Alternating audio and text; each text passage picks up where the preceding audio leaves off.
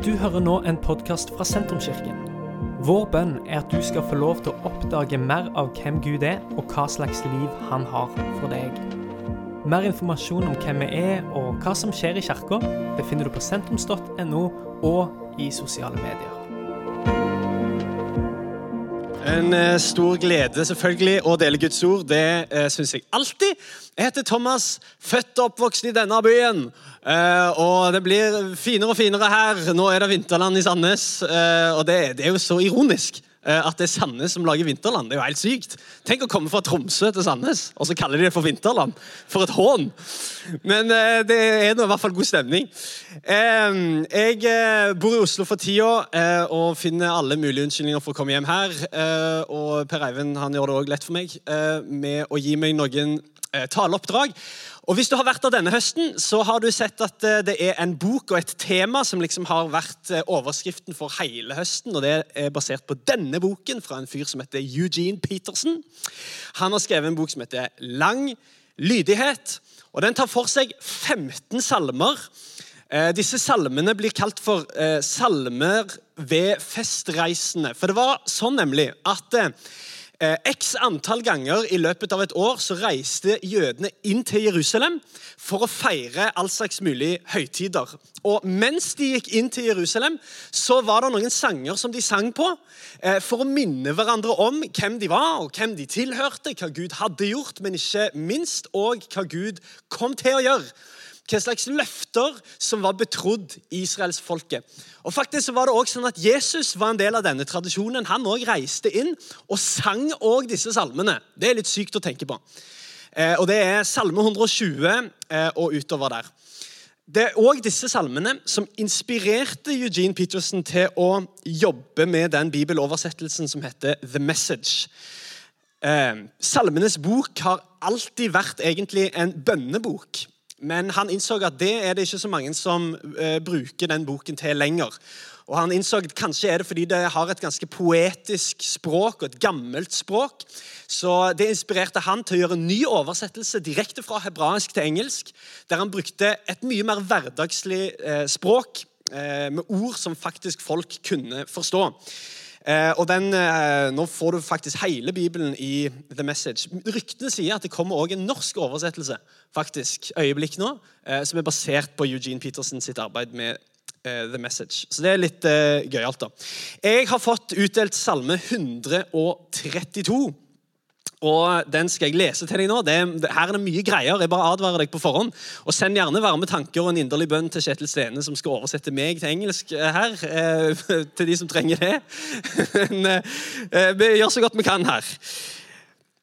Salme 132 kommer òg opp på skjermen. Um, og Jeg skal stoppe litt opp innimellom, og så skal vi prøve å bli litt enige om hva som egentlig står her etter hvert. Men det begynner i hvert fall sånn. Herre, Husk David og alt han holdt ut. Han sverget til Herren, ga Jakobs mektige et løfte. Jakobs mektige er bare altså en beskrivelse på Gud. Og Løftet det går sånn Jeg vil ikke gå inn i mitt hus, ikke legge meg i sengen, ikke unne meg blund på øynene, og ikke la øyelokkene hvile før jeg har funnet et sted for Herren, en bolig for Jakobs mektige. David sier altså til Gud her er min livsmisjon. Dette skal jeg bruke mitt liv på. Og gi deg, Herre, en bolig. Han fikk en slags sånn, eh, krise når han gikk og la seg en kveld, som konge over Israel. og Så legger han seg i en fin seng i et fint rom i et enda finere hus. Og så tenker han på paktkisten. Og Paktkisten det var, som, det var kisten som de bar rundt med seg som et symbol på at Gud var med dem. Det var en kiste som egentlig liksom var selve beviset på at Gud, Guds nærvær òg var blant israelsfolket. Så tenkte han mens han lå der og la seg inn i den fine senga, eh, så tenkte han, oi, paktkisten ligger jo ute i et telt. Dette er jo helt feil. Eh, jeg vil bygge en bolig for Herren. Så det er det han sier her. Dette er hans løfte til Gud. Så står det vers 6.: eh, Vi hørte om paktkisten i Efrata og fant den på markene ved Jaar. La oss gå inn i hans bolig, kaste oss ned for hans fotskammel. Reis deg, Herre, og kom til ditt hvilested, du og paktkisten, som er din styrke. Vi kommer tilbake igjen til det som har med denne paktkisten å gjøre. Så står det i vers 11.: Herren har sverget til David. Et pålitelig ord han ikke går fra. Så legg merke til, Først er det David som eh, gir Gud et løfte. 'Jeg vil bygge ditt hus'. Men så er det Gud som gir David et løfte. Din livsfrukt, eller din slekt, vil jeg sette på din trone. Hvis dine sønner holder min pakt og loven jeg vil lære dem, skal også sønnene deres alltid sitte på din trone. Så står det fra vers 13 egentlig en ganske, det, Nå kommer det plutselig en profetisk hilsen her fra himmelen. Eh, som egentlig symboliserer noe veldig interessant. Gud snakker altså om at han har utvalgt Sion. Henne vil han ha til bolig. Og hva er Sion? Sion er både et geografisk sted, det er både et fjell i Jerusalem, så det symboliserte både liksom stedet Sion, men det symboliserte noe mer. Eh, og det var de som tilhørte den byen, de som tilhørte det folket. Så når Gud sier 'jeg vil ha Sion til bolig', så snakker han ikke bare om et faktisk sted. Men han sier 'jeg vil, ha, jeg, jeg vil at folket som tilhører meg, skal være òg det stedet der jeg bor'.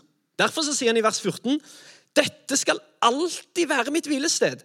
Her vil jeg bo, for henne vil jeg ha'. Da forstår vi at Gud har jo ikke, Det er jo ikke Guds store drøm å alltid bo på et fjell i Jerusalem. Men vi forstår jo at det han, det han vil, det er å ha oss. Sion er òg et begrep eller et bilde på Guds menighet. Så egentlig så er dette en profetisk hilsen også til oss som sitter her. Og et løfte til oss som sitter her. Herren har utvalgt Sion, henne vil jeg ha til bolig. Dette skal alltid være mitt hvilested. Her vil jeg bo, for henne vil jeg ha. Maten hennes vil jeg velsigne, de fattige metter jeg med brød. Prestene hennes kler jeg i frelse, de trofaste skal rope av fryd. Der lar jeg et horn vokse fram for David, jeg gjør stand en lampe for den jeg har salvet. Fienden vil jeg kle i skam, men på ham skal kronen stråle. Overskriften i dag er lydighet. Jeg har lyst til å si, eh, fokusere på tre ting i dag.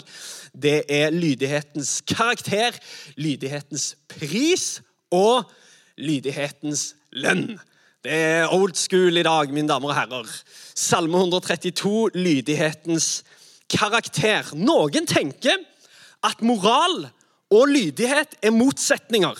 Det stammer egentlig fra en fyr som heter Menken. Kanskje noen vet hvem Han er Men han er kjent for å, han var egentlig veldig kritisk, kritisk til det meste.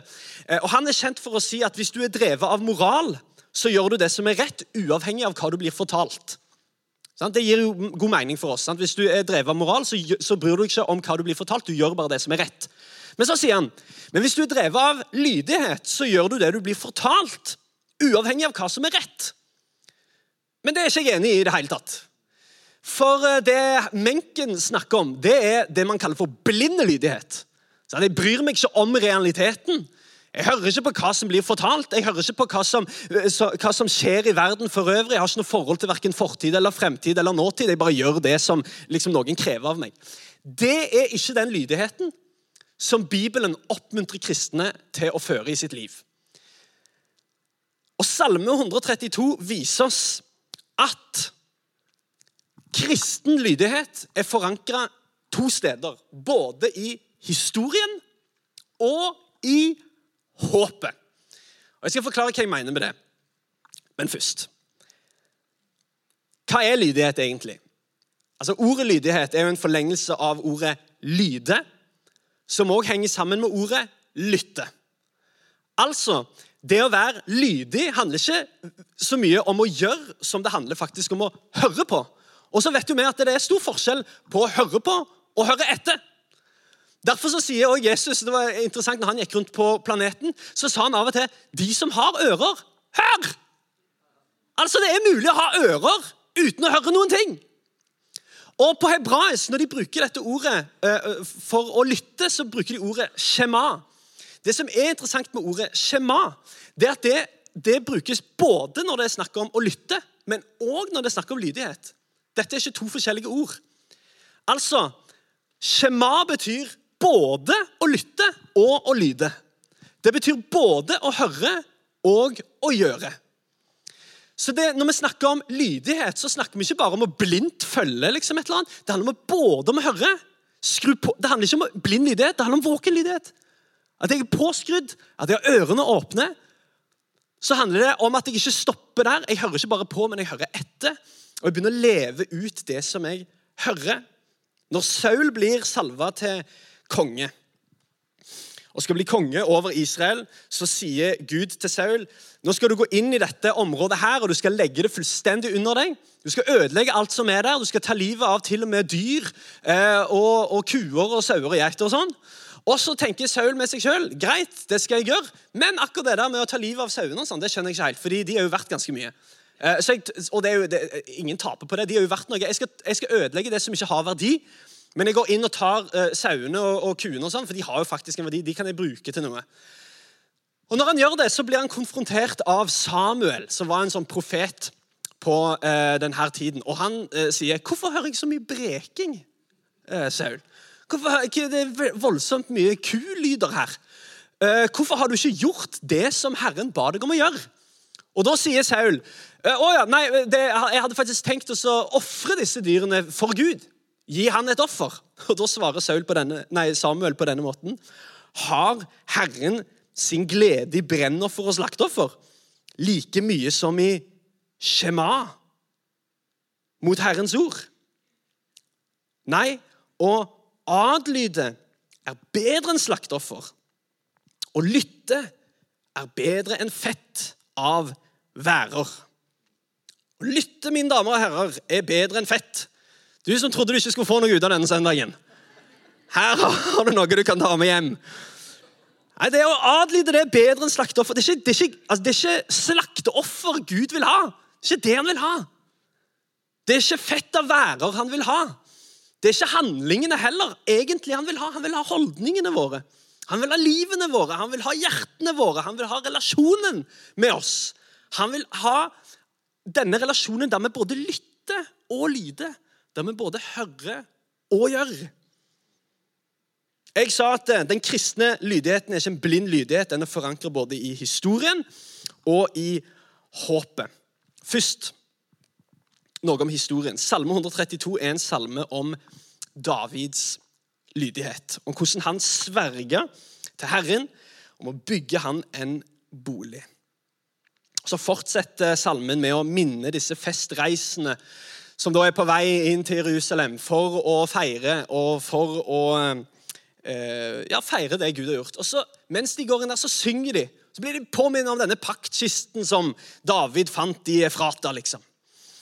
Og nå er det ikke sikkert at dette ligger veldig langt uh, framme i minnet hos deg. liksom akkurat dette med paktkiste og sånn, og det er helt ok, Men jeg skal gi deg en rask innføring. Paktkisten var en kiste lagd av tre, dekka av gull.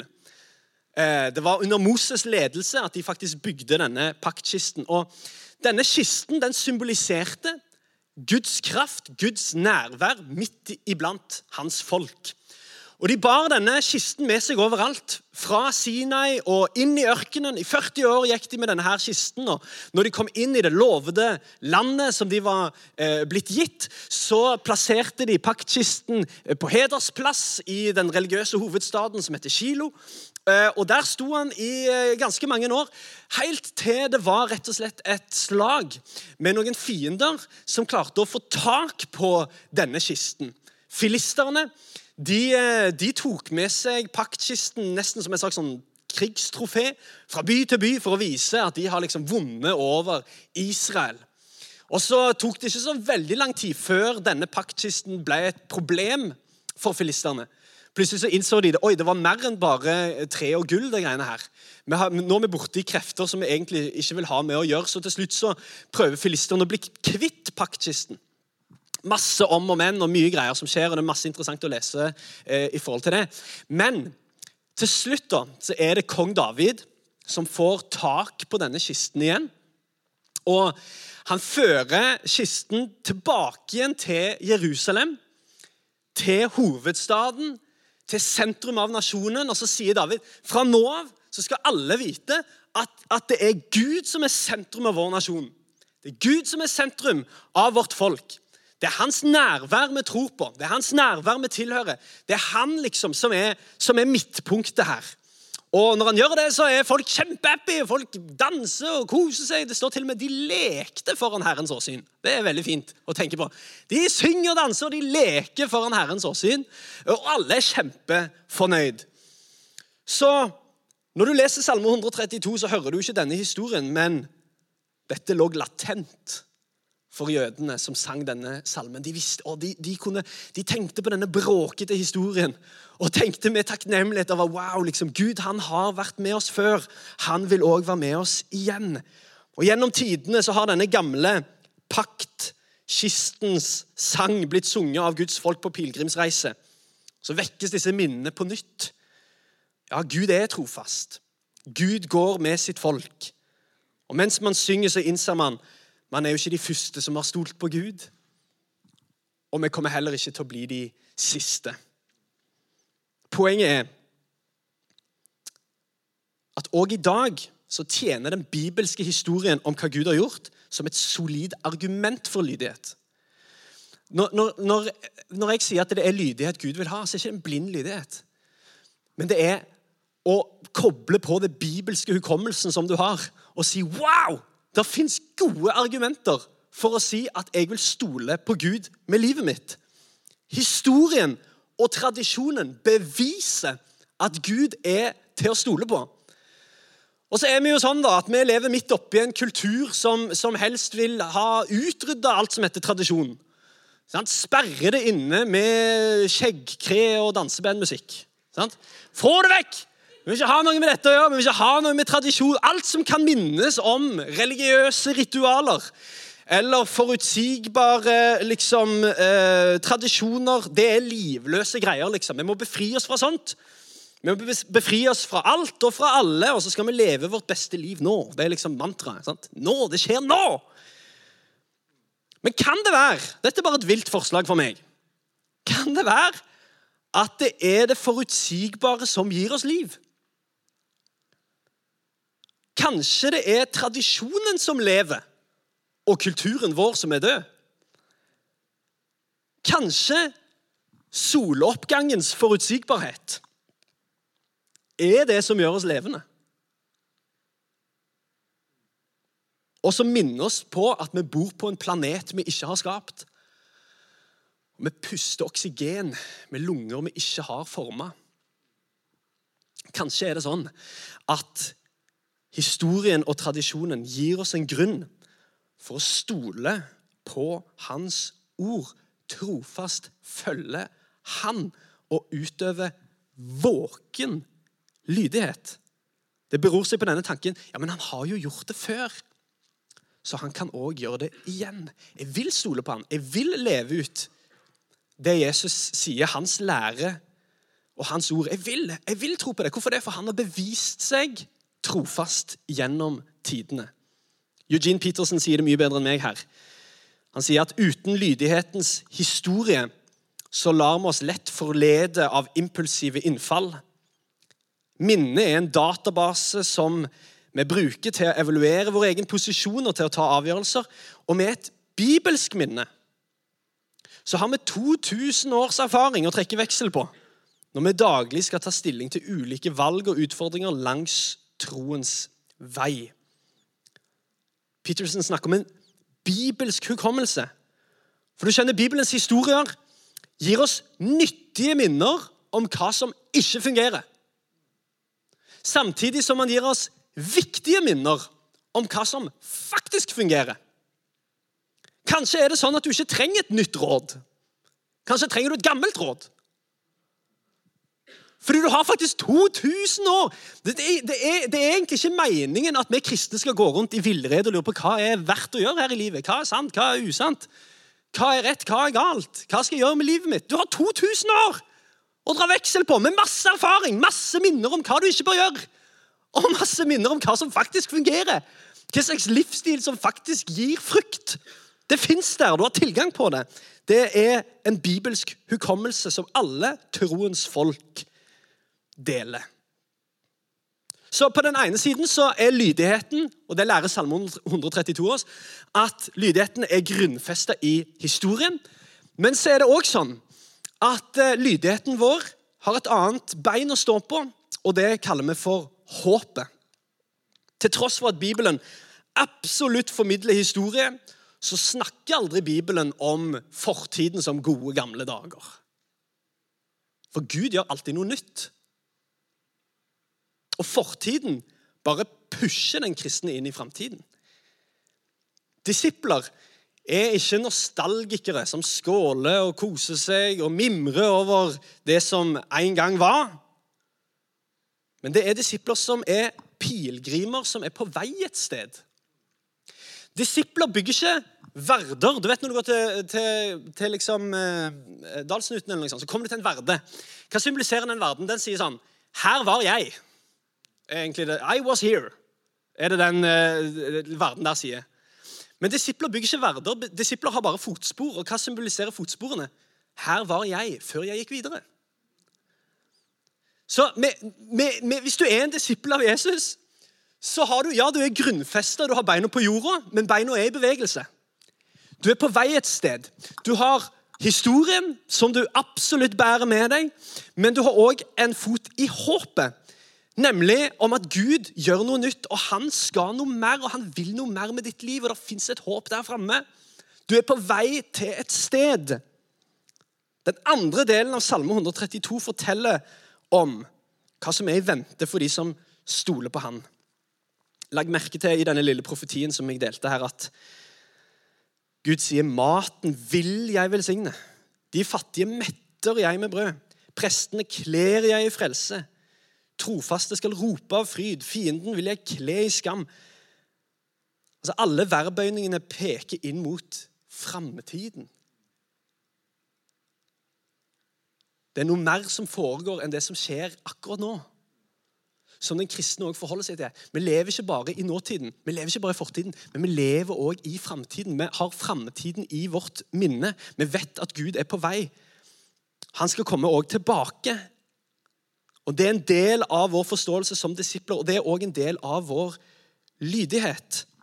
Nemlig at vi forstår ok, vi forstår hva Gud har gjort, og det gir oss gode argumenter, men så forstår vi òg at det siste ordet er ikke sagt.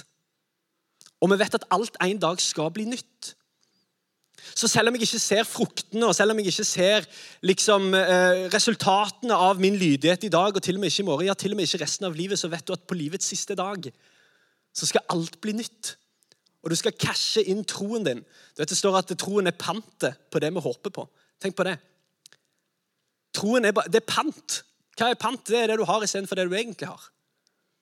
Så, så pant, Du har ei flaske, men det du egentlig har, er to kroner. Og Sånn er òg troen. Det er det du har istedenfor det du egentlig har. Sånn er òg lydigheten. Det er det du har. Istedenfor det, du er, det du egentlig har. Det er evig liv, det er frelse, det er håp, det er himmel. Men det du har det er akkurat nå, det er troen, det er lydigheten. Det er alt du har. Men en dag skal du cashe den inn, og så skal alt bli nytt. Den kristne vet hvor han kommer fra, og vet hvor han er på vei. Og det er dette som er lydighetens karakter. Wow, dette går jo steinbra, Thomas. Fytti. Lydighetens karakter er det første. Det neste er lydighetens pris. Hvis du leser Salme 132, så begynner du jo med denne, liksom, denne desperate setningen. Husk David og alt han holdt ut. For det er ingen tvil om at David måtte holde ut en hel del som konsekvens av hans lydighet mot Gud. Salme 31 jeg vet ikke om jeg har den på skjerm, faktisk. Eh, kanskje han ligger der Kjell Roar en plass. Salme 31, eh, vers 10. Her får man veldig innblikk i hva som skjer i hjertet til David når han sier, 'Vær meg nådig, Herre, for jeg er i nød.' Øyet sløves av bitter sorg, pust og kropp svinner bort. Livet mitt ender i sorg, årene mine i klage. Min styrke svikter på grunn av min skyld, og knoklene mine svinner. Jeg blir til spott for fienden, til hån for naboene. En redsel for dem som kjenner meg. De som ser meg på gaten, viker unna.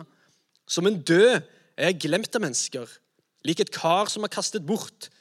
For jeg, har mange som, for jeg hører mange som hvisker, og redsel på alle kanter når de samler seg mot meg og legger planer om å ta mitt liv.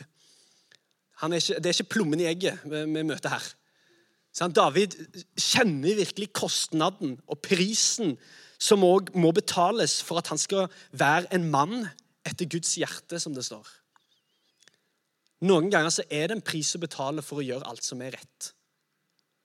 Vet, vi, kan ikke, vi kan ikke se på omstendighetene våre for å finne ut av om vi lever rett eller galt. Nei, noen ganger så har du gjort alt rett, og så er du på helt feil sted.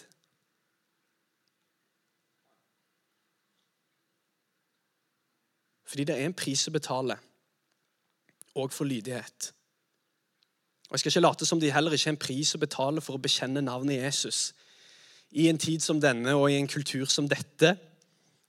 Å holde seg til hans ord. Og det er, ikke, det er egentlig ikke en ny greie, det. Når Jesus gikk rundt og snakket, så var det på et tidspunkt at eh, han sa så mye oppsiktsvekkende greier at folk dro derifra.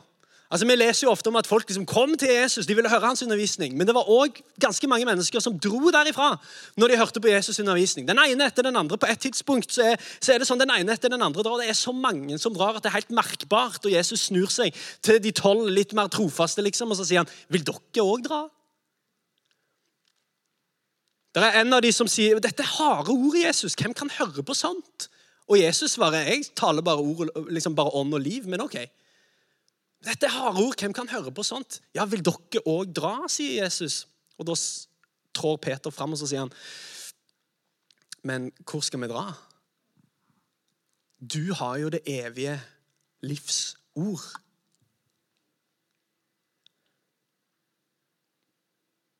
For hva er egentlig alternativet? Det er en fyr som heter Lars Erik Gjerde, som skriver litt i aviser som heter Subjekt. Og For ikke lenge siden så skrev han en artikkel der han er kritisk til vår kultur, som liksom vil eh, gå til angrep mot ideer som selvkontroll, f.eks. Man skal helst gi etter for alt som skjer inni oss. Og så skal man ikke holde igjen. og Vi skal, ikke, vi skal i hvert fall ikke konfrontere barn sine følelser. For eksempel. De skal bare anerkjennes. Man er veldig sånn opptatt av at man skal leve ut alt som skjer på innsiden. Og Han gir et argument for at ja, men, ok, hvis du tenker det er, du er en slave av, av selvkontroll, da, eller slave av moral, eller slave av normer og bud og regler, så blir du ikke mindre slave hvis du sier jeg skal befri meg fra det. Du blir kanskje enda mer. For Hvis du befrir deg fra det som er disse store ideene, disse store tankene der ute, så blir du slave for noe her inne. Du blir slave for dine egne raseriutbrudd. Du blir slave for din egen eh, liksom, dopamin eh, jakt etter liksom, å, å, bli tilfredsstilt. Du blir bare slave for det kroppen sier at han skal gjøre til enhver tid. Ja vel, det er en slave uten lenker, men det er like fullt en slave. Og kanskje så er det òg sånn at vi alle sammen er slaver. Slaver av noe, for noe. For noe innenfor oss sjøl, noe utenfor oss sjøl. Romane 6,16.: Vet dere ikke at når dere går i tjeneste hos noen og adlyder ham, da blir dere hans slaver. Dere blir enten slaver under synden, og det fører til død, eller slaver under lydigheten. Og det fører til rettferdighet. Og når du hører slave, ikke tenk undertrykkelse. Tenk tilhørighet. For, for, for ikke, vi, vi, snakker ikke om slaveri som i helt liksom, undertrykkelse, og du skal forsvinne og bli ingenting. Nei, det, det, handler om tilhørighet. Det handler om at du først og fremst tilhører noen som er din herre og mester. Og kanskje så har vi alle sammen en herre og en mester, bevisst eller ubevisst. Romerbrevet gjør det veldig tydelig. Enten så er, det, er du slave under synd, eller så er du slave under lydigheten. Men det viktigste er ikke nødvendigvis det, men eh, at vi er hans. Vet dere ikke at når dere går i tjeneste hos noen og adlyder ham, da blir dere hans slaver? Siri Iversen, som er generalsekretær i Misjonskirka, hun sier det vakkert. for Hun sier at det å være kristen det er å være bundet til Han som er friheten. Smak på den liksom, friksjonen der. Det handler om å være bundet til Han som er friheten. Det handler om å være bundet til han som er sannheten. Bundet til han som er kjærligheten. Bundet til han som er godheten. Som er veien. Han som er livet. Ja, det er en pris å betale for lydighet. Men det er en pris som det er verdt å betale. For det er ingen som har sagt at man er kristen fordi det er lett. Man er kristen fordi det er verdt det. Og Det leder meg til mitt tredje punkt her lydighetens lønn. Først så sier David til Gud, 'Jeg vil bygge ditt hus'. Og så sier Gud til David, 'Og jeg vil bygge ditt hus'. Til alle som sier, 'Gud, jeg vil bygge ditt hus', 'Jeg vil gi meg sjøl til din sak', 'Jeg vil overgi meg til din vilje', vil òg fort erfare at Gud allerede har sagt, 'Og jeg vil bygge ditt hus', og jeg vil fylle deg med kraft' og jeg vil gå med deg i alle sesonger av livet. Hva er lydighetens lønn? Det er at når du søker Han først, så får du alt det andre i tillegg. Det er når du er tro i det små, så setter Han deg over større ting.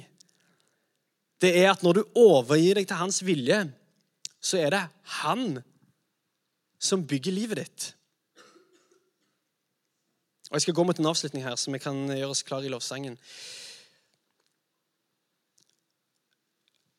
Likevel da, så er det veldig viktig for meg å få fram dette siste poenget. Og det er kanskje det viktigste jeg sier i dag. Og det er at din framtid hviler ikke på din evne til å være lydig. Din framtid hviler ikke på din evne til å være lydig. Din framtid hviler på Jesus sin evne til å være lydig. Vi kan se på Davids sitt liv, og? Vi kan, vi kan gjerne ha David som forbilde. Men enda viktigere så er ikke David et forbilde, han er et førbilde. Han er et bilde på det som kommer. Han var et frampeik på han som skulle komme. For Jesus han er den sanne og mye bedre David.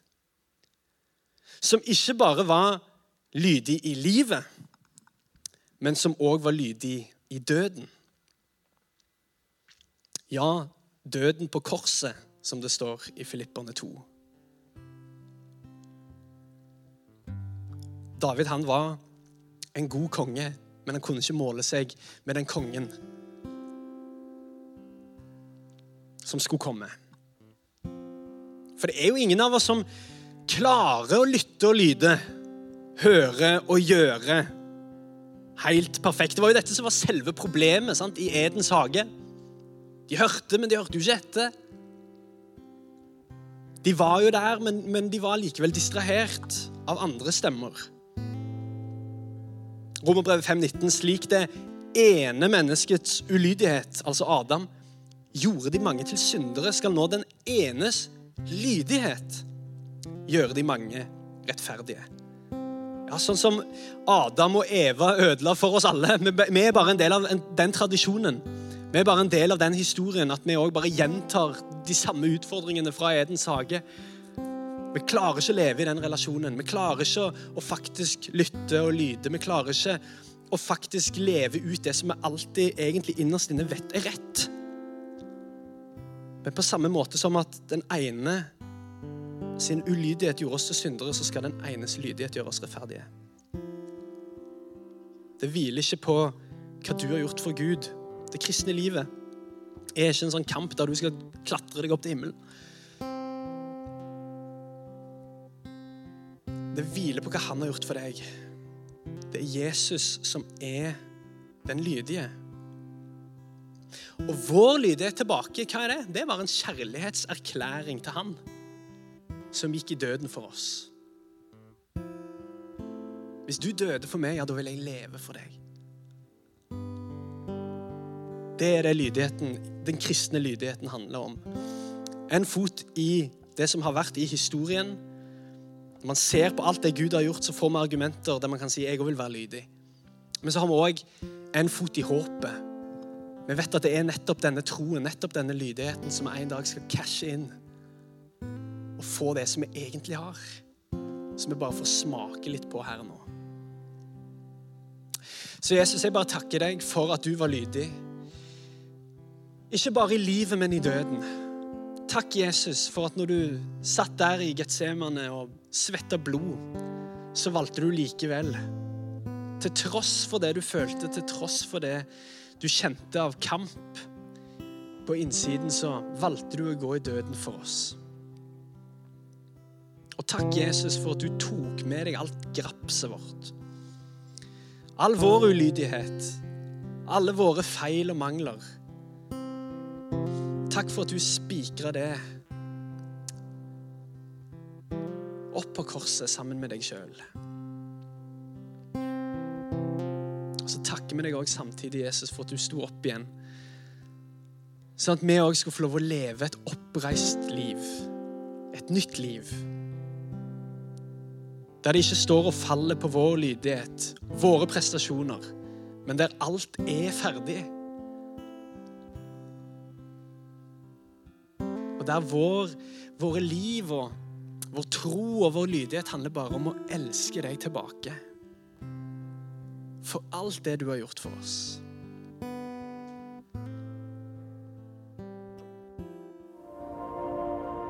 Dette er slutten på denne podkastepisoden. Har du spørsmål om Jesus, om tro, om livet, så er du hjertelig velkommen til å ta kontakt med oss via sentrums.no.